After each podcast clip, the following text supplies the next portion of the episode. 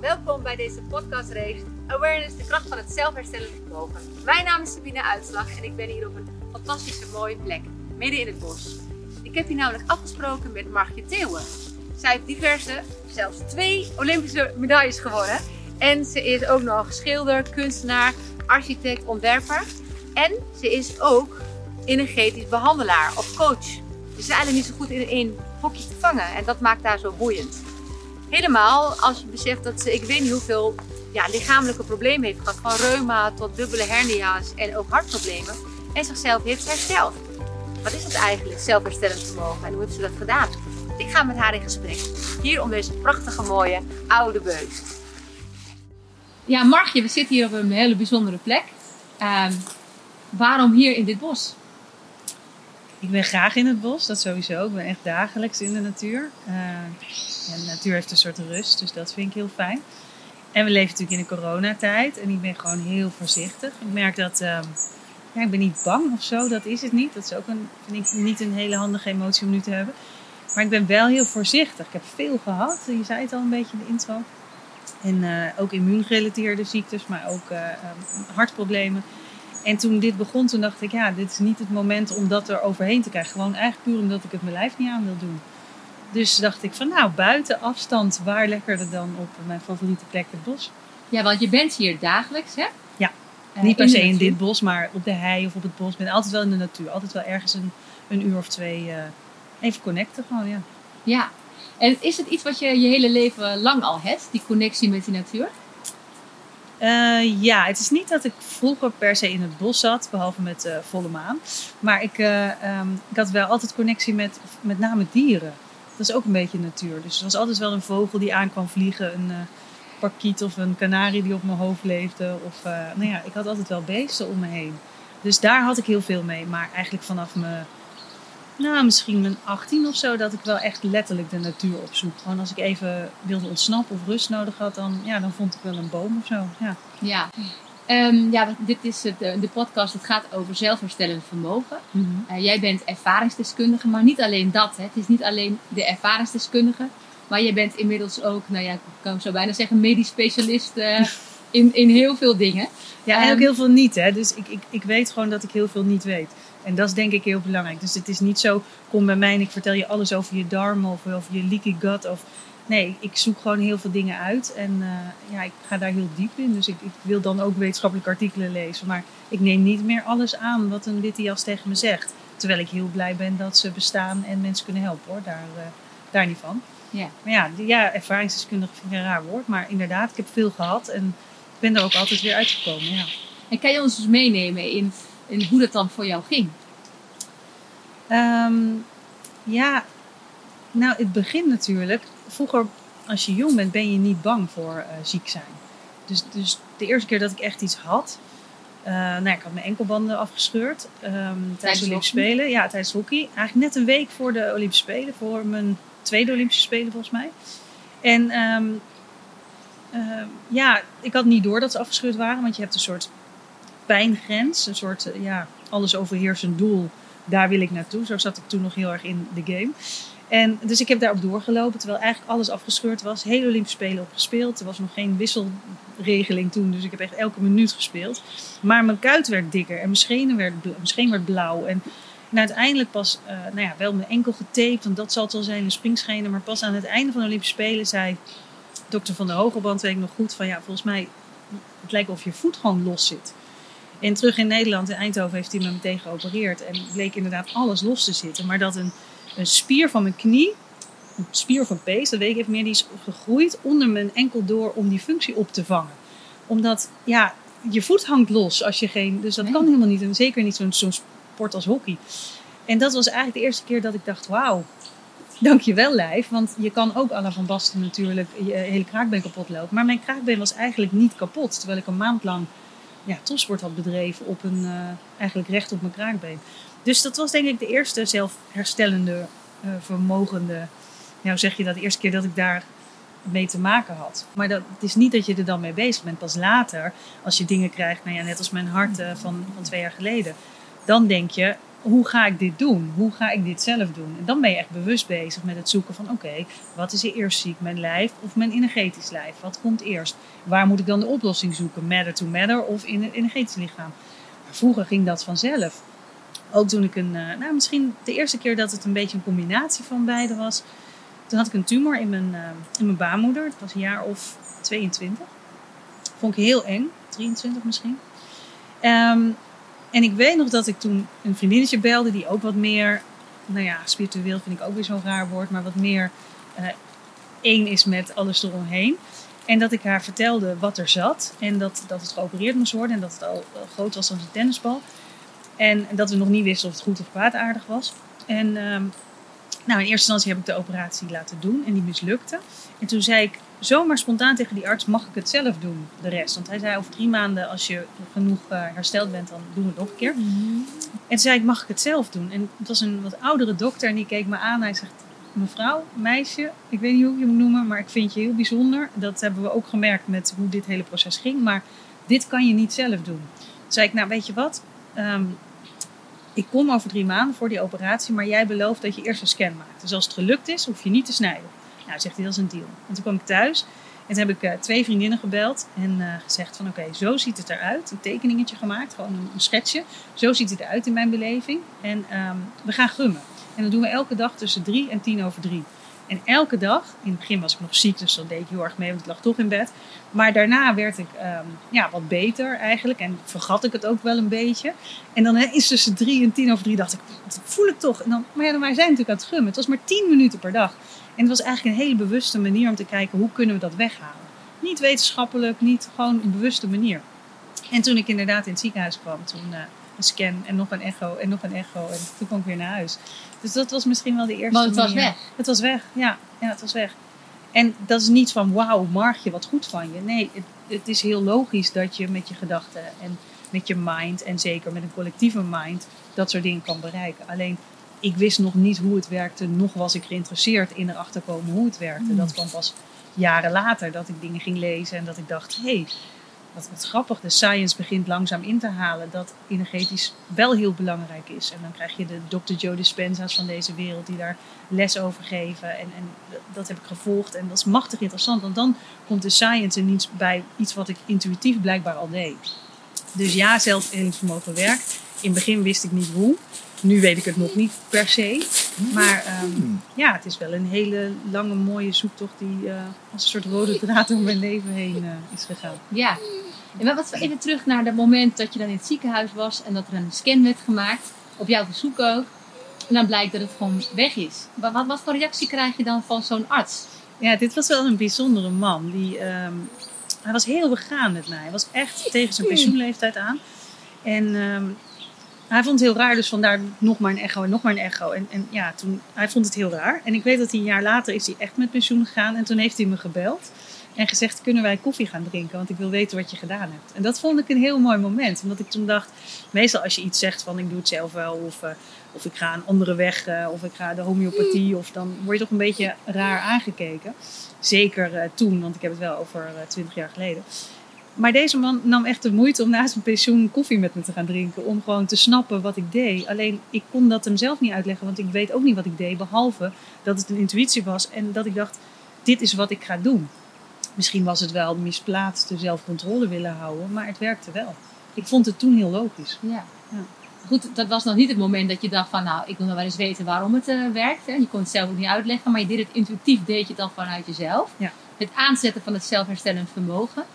Uh, wanneer kwam het moment dat je zei van ja, maar nu wil ik ook weten, ik wil er wat meer van weten, ik wil het, er moet meer zijn dan alleen het lichaam, hè? Ja.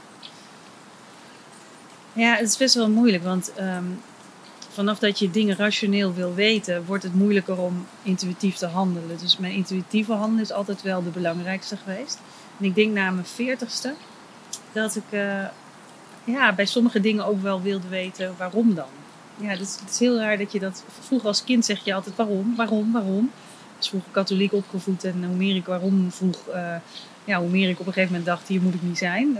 Dus ik moet meer in de natuur en ik moet een andere religie vinden die daar beter bij past. Omdat mijn waarom-vragen niet beantwoord werden. Dus het is niet dat waarom er niet in zat. Het was alleen, ik voelde me altijd wel een ander kind. En ik was gewoon altijd één met alles. En met mijn vogel met wie ik praatte. En ja, met alle beesten om me heen met wie ik praatte. Dus ik vond dat, ja, dat het zo werkte, vond ik normaal. Dat de energie zo werkte. Ja, dezelfde manier waarop je met, met een beest praat, kan je ook met je eigen lijf praten. Dus ja. En er zat natuurlijk, en dat is ook een verneukeratieve, er zat nog geen echte angst op of zo. Het was niet dat ik heel bang was. Pas later, als er dingen gebeuren, dan ineens komt een soort ja, als je zo vaak ziek bent geweest, toen kwam er ineens een soort angststoornis bij. En dan wordt het pas echt interessant hoe de mind werkt om te zorgen dat je dat stukje uit kan zetten om weer bij dat zelfhelend vermogen te komen. Maar dat was echt pas na mijn 40ste. Oké, dus eigenlijk voor je 40ste ging het meer intuïtief. En was het voor jou heel normaal dat je communiceert met alles om je heen en dat eigenlijk de energiebaan om jou heen, dat hoorde bij jou. Ja. En toen kwam er iets uh, wat angst, hè, toen kwam er angst in het spel. En toen was het van, ja, maar hoe werkt het eigenlijk? Ja. En toen ben je de diepte ingegaan om te onderzoeken van, ja, maar wat zijn eigenlijk energieën? Als je dan kijkt naar uh, je laatste ervaringen, je, je hartproblemen, zeg maar. Toen ben je ook in het reguliere circuit uh, terechtgekomen. En ook daar ging het eigenlijk precies hetzelfde. Kan je daar iets over vertellen? Um, ja, de, de, de, arts zei gewoon: uh, je hebt 365.000 slagen van je hart verkeerd per 24 uur. Dus ja, dat is heftig. Dat kan een van de drie ziektes zijn die best wel dodelijk is. Dus we gaan nu twee weken beta-blokkers doen tot je die um, scan krijgt, een spoedscan. Dat duurt uh, twee weken spoed. En um, ja, ik, was, ik ben niet zo van de medicijn. Ik weet dat ik daar heftig op reageer. Met name nadat ik tien jaar lang Lyme heb gehad. Dus alles wat ik binnenkrijg moet gewoon heel uitgebalanceerd zijn. Moet gewoon perfect in harmonie zijn. En, en ja, 9 van de 10 keer zijn medicijnen dat niet. En beta-blokkers, daar had ik geen goed gevoel bij. Dus die wilde ik niet nemen. En die arts zei van ja, maar het is echt gevaarlijk. En tot die tijd moeten we echt zeker weten dat er niks gebeurt. Dus neem ze nou, want ik meen het serieus. Um, ik was bang. Dus die angst zat er al. Ik kwam uit een, een soort angststoornis waar ik uh, een jaar lang mee aan het dealen was al. Waarvan ik niet snapte waar die vandaan kwam. Eén heeft natuurlijk met het ander te maken. Ik denk echt dat mijn hart van slag is gegaan. Omdat die rare angst er ineens was voor alles. Durfde niet meer op straat, durfde, niet, durfde niks meer. Angst voor ziek zijn. Heel bizar. En uiteindelijk, um, ja, toen dacht ik, nou dan doe ik een second opinion. Die zegt vast wat anders. Dat hoop je eigenlijk. Nou, die zei hetzelfde en de third opinion ook. Um, dus toen heb ik het twee weken geslikt en daar werd ik zo ziek van. Ik kon alleen nog maar in bed liggen, ik kon niks meer. Ik kon echt helemaal niks meer. En um, soms werd ik wakker, maar dan kon ik niet bewegen. Dus dan was ik niet echt wakker. En niet op een fijne manier meditatief aware wakker, maar gewoon niet. Dat ik niet kon bewegen, doodeng. En toen dacht ik, nou dit is gewoon niet weg. En toen heb ik die voet-MRI gedaan, een voetscan, CT-scan. en toen... Um, wil je iets vertellen, Paolo? Toen hebben we de spoed uh, CT-scan gedaan. En toen bleek het dus niet die ziekte te zijn. Maar ja, natuurlijk wel erg genoeg om geopereerd te worden. Kom even liggen, het is oké. Kom even liggen.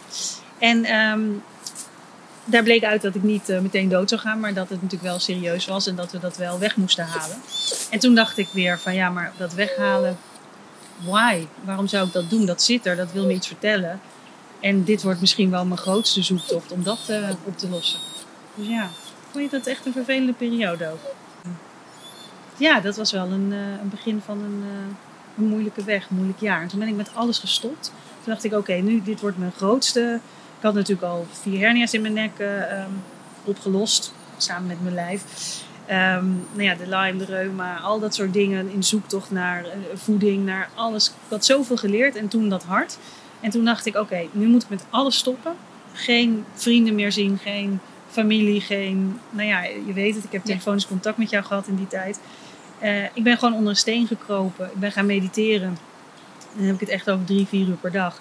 En ik ben gedoken in de science daarachter. Dus de, de kwantumfysica. Wat doet het als je mediteert? Als je tussen die twee fases van awareness komt. Tussen die delta en die theta. Waar zit die deur?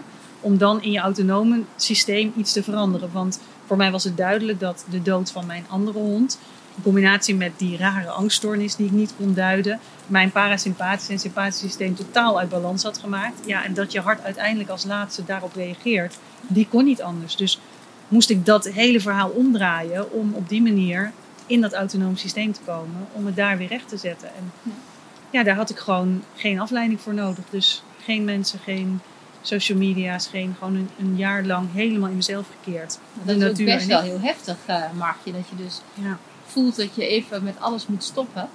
Ja. En helemaal naar jezelf toe. Dat, dat is voor je omgeving. eh, Ja, voor mijn omgeving was sowieso natuurlijk heftig dat ik zei: ik ga geen medicijn nemen en ik ga geen operatie dat doen. bedoel ik. Ja. Ja, dat, daar waren ze natuurlijk niet, niet allemaal even blij mee. Nou kennen ze me al wat langer. Dus eh, met name mijn vriend zei van oké, als dit jouw weg is, dan, dan vertrouw ik dat. Maar ik snap wel dat familie zoiets had van ja, maar kom op, eh, je kan het toch gewoon, met- ze kunnen het toch, de artsen. Ja. Maar ik had zoveel gelezen daarover en ook zo vaak dat het terugkwam. En dat was hetzelfde met de hernia's. Ze kunnen vier hernia's uit de ruggenmerg pulken. Maar hoe vaak komt het niet terug? En, en hoe meer je je verdiept, het is niet een onbezonnen weten van nou, eh, intuïtief laat ik dat dus doen. Even kijken, wat zegt de boom, wat zegt... Nee, zo was het niet. Het is echt wel twee dingen naast elkaar leggen. Dit is mijn gut feeling. En nu ga ik zoeken, wat is er geschreven over hoe vaak komt het terug als je zo'n operatie doet. En hetzelfde met de hernia's. Iemand zei ook, of ik opereer je morgen of je zit overmorgen in de rolstoel. Ja, als een arts dat tegen je zegt, dan denk je, of ik moet het nu doen, of hij moet een quotum halen. Een hele slechte gedachte van mij. Maar die schoot door mijn hoofd. En ik had er gewoon geen goed gevoel bij. Dus ik denk, nee, nee dat gaan we dus niet doen. Dan moet je heel sterk zijn om inderdaad op je intuïtie te vertrouwen. Ja. Eh, want je geeft ook zelf aan, het, is, eh, het zijn twee dingen. Hè? Je, je gut feeling, je, je intuïtie. Versus nou ja, je ook verdiepen in dat stukje eh, wetenschap. Hè? Ja. Wat ook steeds toegankelijker wordt voor iedereen. En dat is natuurlijk ook heel mooi met het internet. En Ja. dat je dat ook kunt bestuderen. Maar ook Ehm, heel gevaarlijk. Hè? Er is natuurlijk nu zeker. ook zoveel op internet wat niet waar wat is. niet waar is. Dat is echt wel heel moeilijk. En wie ben ik om te zeggen, nou, maar wat ik zocht was wel waar. Precies. Ja, dat is echt heel moeilijk. Dus je moet echt graven Ja. En, en alles lezen. En, en kijken wie je vertrouwt om erachter te komen wat de waarheid is. Ja. Maar nu is het zo, dat zelfherstellend vermogen, is dat een knop wat je aanzet? Jij zegt eigenlijk van, nou, het is in meditatie, in het stil zijn en terug in jezelf. Kan je naar het, eh, naar het autonome centrum. hè? Mhm. Dus dit, je, je, je verschillende autonome en, eh, en eh, je niet-autonome systemen die naast elkaar lopen. Daar ben je ergens in gaan zitten, middels meditatie. Zeg ik dat zo goed of zeg ik het nou helemaal Ja, fout? het, het is misschien een shortcut. Ehm, ik, ik zeg niet dat er een knop is. Ik denk dat het lichaam altijd zichzelf wil herstellen. Dus iedereen heeft een zelfherstellend vermogen. Ehm, wij onderbreken het zelfherstellend vermogen zelf eh, door invloeden van of buitenaf of van onszelf. Dus van onze gedachten. Eh, of, eh, nou ja, we leven in een wereld waar natuurlijk best wel veel eh, niet-natuur is. Dus de 5G's. De, en ik wil helemaal niet in complottheorie denken, maar er, komen zoveel invloeden in ons lijf. De, de, de crème die we opsmeren, de parabenen, die je kan het zo gek niet bedenken. Het voedsel. Dus we, het lijf moet al veel harder vechten om gezond te blijven dan vroeger. Dus als dat eenmaal uit een soort balans is, ja, dan wil het lijf wel terug in balans. Maar soms heeft het wat hulp nodig. En als je dan ook nog eens ehm, je mind niet mee laat werken door alleen maar wat ik had van, oh jee, een vlekje op mijn arm. Zie je, dat zal wel weer dit zijn. Of ik werd, maakte mezelf gek. Ik kon dat, dat stemmetje niet stoppen. Tot ik kon bedenken, hé hey, wacht even, is dat nou dat stemmetje? En, en een soort awareness creëerde en met een afstand daarnaar kon kijken. En dacht, hé hey, wacht even, dit is niet mijn gut feeling. Dit is een stemmetje die nu, noem het ego, die de fear aanzet. De ja, valse ego, hoe zeg je dat? Eh, weet niet meer. Er is een soort woord voor. Maar dat, die fear die ging aan. En dat hielp niet om mijn twee systemen, met name het rustige systeem, eh, weer in controle te laten krijgen. En uiteindelijk moet er een harmonie zijn, zoals er een harmonie in de natuur is, zoals er harmonie in je, in je lijf, in je huis, in je, overal wil je harmonie hebben. En dan pas kan het zelfherstellend vermogen weer, weer aan gaan staan. En die disharmonie, dat doe je door alle invloeden van buitenaf natuurlijk even ja, door te knippen. Dus ik, ik at ook geen vlees meer, geen alcohol meer, geen, echt alles gestopt. Alles wat mij kon beïnvloeden, moest even weg. Waaronder mijn eigen mind. En omdat die mind zo heftig aanwezig was in de negatieve zin, ehm, ben ik veel gaan mediteren. Maar het is niet dat door mediteren ik die knop kon vinden. Ik had hem nodig om bij dat stukje te komen. Mooi, ja. Dus iedereen heeft het zelfherstellend vermogen in zich, het lijf Absoluut. heeft het, maar we worden deze, in deze tijden extra getriggerd van buitenaf, zonder dat we het doorhebben eigenlijk. Hè? Ja. We denken vaak dat we heel gezond bezig zijn, Ja. maar als je daar goed over nadenkt, zeg jij ook van, is het maar de vraag hoeveel verstoringen er van buitenaf eh, en ook van binnenuit, hè? vanuit Stress. wat je denkt, de stress eh, inderdaad. Ja. Eh, nu was er een vraag van Jan van de Greef in de vorige podcast aan jou. En Jan van der Greef is emeritus hoogleraar scheikunde. En hij, heeft, eh, hij is ook BBC Photographer van het jaar, van Oh, het jaar mooi. 2018 geworden. En uh, ja, een hele bijzondere man. Een prachtig mooie podcast ook. Hij heeft een vraag aan jou en het gaat over ehm, de wetenschap. Hè? Dus een beetje wat deze ja, huidige tijd heel erg op gebaseerd is. Als het niet te beredeneren is, of het is niet te bewijzen, dan bestaat het niet. Dus uh, meten is weten versus intuïtie. Mm -hmm. En hij vraagt aan jou van hoe krijgen we nou die twee goed in balans? Volgens mij is het echt een vraag aan jou, voor jou, Markje. hoe krijg je dus de intuïtie en de wetenschap in balans? Eigenlijk ook die integrale geneeskunde. Hè? Dus ja. de integraliteit. Niet van dat is fout en dat is goed. Maar veel meer van hoe kunnen we samenwerken. Hè? De wetenschap en het, intu het intuïtieve daar, uh, daarin. Nou, misschien moeten we ze um, sowieso al als gelijke zien. En heel vaak werd de wetenschap als belangrijker gezien dan de intuïtie.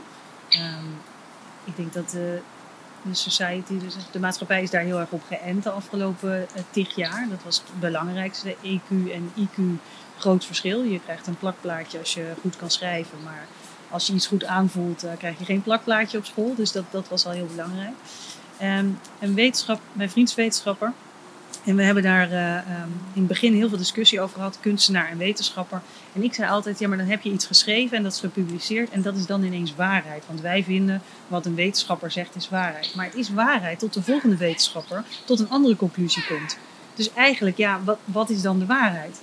Dus ik, ik ben ervoor, en dat gebeurt ook steeds meer, dat steeds meer mensen aware worden, steeds meer dingen gaan doen die nog niet wetenschappelijk bewezen zijn. Zoals die ik al aanhaalde, Dr. Joe Dispenza, waar ik heel veel van geleerd heb.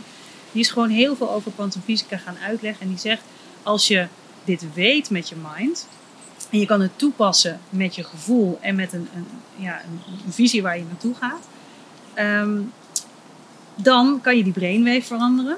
Dus in je hersenen. Dus dan hebben we het echt over de, de wave tussen, tussen de delta en de theta. Theta is als je, uh, delta is als je slaapt en theta is daarvoor. En net voordat je in slaap valt, daar zit dat stukje waar je gewoon dingen kan aanpassen. Is een heel fijn stukje. Hoe kan je nou um, je lijf laten slapen, maar toch wakker blijven? Dus in een hele rustige golf zitten. Um, want daar kan je de dingen veranderen. En dan ben je eigenlijk connected met all that is. Dan helpt zoiets van, nou, ik kan wachten tot de wetenschap bewijst dat dat zo is. Of ik kan het gewoon gaan doen en laten zien dat het werkt. En uiteindelijk komen de wetenschappers zelf wel. En dat is wat er gebeurt. Dus uiteindelijk zijn wetenschappers ja. hem gaan, gaan volgen. En ik ben zelf naar een, een week lang een retreat geweest. Dat was mijn, uh, mijn doel ook. Mijn laatste stuk voor mijn hart was een jaar lang binnen zijn, dan daar naartoe gaan en met 1500 mensen mediteren. Maar echt 4,5 uur lang. Maar dan tussendoor de hele tijd les hebben. Dus in wat doe je met je hersenen? Wat gebeurt er dan? Wat gebeurt er in je systeem? Hoe kan je je, je darmen en je hersenen aan elkaar verbinden? Hoe kan je um, via je chakrapunten, die hij dan niet zo noemt, maar energiecentrums, iets omhoog krijgen? Je ademhaling, bij wijze van spreken, om bij de pineal gland um, een soort ontploffingje te krijgen, waardoor kristallen vrijkomen die eigenlijk een reset doen van je lichaam. Nou, en er waren mensen die wilden misschien spiritueel aware worden, maar er waren ook mensen die uh, op sterven na dood waren. En er waren mensen met Lyme en er iedereen had zijn eigen verhaal.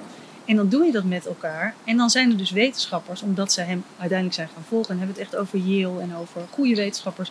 Die gewoon het veld gaan meten, de ruimte gaan meten. Uh, zuignappen op je hoofd zetten om te kijken hoe de hersengolven gaan. En ineens worden het studies omdat de wetenschap de intuïtie van deze man is gaan volgen. Hij had zichzelf genezen van een dwarslezing en hij dacht, dat kunnen meer mensen. En inmiddels zijn er zoveel tutorials van mensen die dat ook doen. Dat, ja, dat is een heel lang antwoord op een vraag. Maar ik denk als je de wetenschap en de intuïtie gelijk ziet en mensen hun gut feeling van zelfhelingsvermogen gaan volgen, dan gaat de wetenschap het uiteindelijk zelf wel uh, onderzoeken of het zo is. Want dan is het bewijs al daar. Kijk naar Wim Hof is ook zo, de Iceman is ook zo iemand die gewoon zich in kon laten spuiten met de E. coli-bacterie. En uiteindelijk uh, zijn wetenschappers gaan onderzoeken van ja, maar hoe werkt het dan? Kan hij dat dan? Nee, hij kon het ook aan tien andere mensen leren binnen vier dagen. En die werden ook niet ziek. En hij had kunnen wachten tot de wetenschap bewezen had dat het autonome nervous system niet helemaal autonoom was. Namelijk dat je daar binnen kon dringen. Maar hij besloot het wel te doen. En uiteindelijk ging de wetenschap volgen en bewijzen dat hij gelijk had. Dus ja, dat is misschien een heel lang antwoord. Maar wel heel duidelijk. mooi, dat is een heel mooi antwoord. Uh, ja, ik, ik vind het wel heel helder hoe je dat uitlegt. En jij bent zelf ook naar, uh, naar Malta geweest, geloof ik, ja? Ja, ja ik ben, ben er zo'n week... ik had al een, een cursus van hem gedaan. En dat had ik gedaan toen die, die rare angststoornis kwam. En dat ik dus overal bang voor was en totaal in een ja, stresssituatie zat. Je moet je voorstellen dat weet je, als er een, eh, een tijger voor je staat, dan heb je stress. En dan gaan alle, eh, alle bloed gaat naar je armen en naar je benen. Je krijgt een soort ja, flight fri- fight or flight eh, modus. Of Frozen hebben ze tegenwoordig ook. Ja, precies. En, en dat is ook heel goed. Maar die tijger die staat er eh, tegenwoordig ook als, je, ehm, als er niet letterlijk een tijger staat, maar als je een e-mail binnenkrijgt. Of als je, nou, en als je constant in die fase blijft, ja, dan word je gewoon ziek.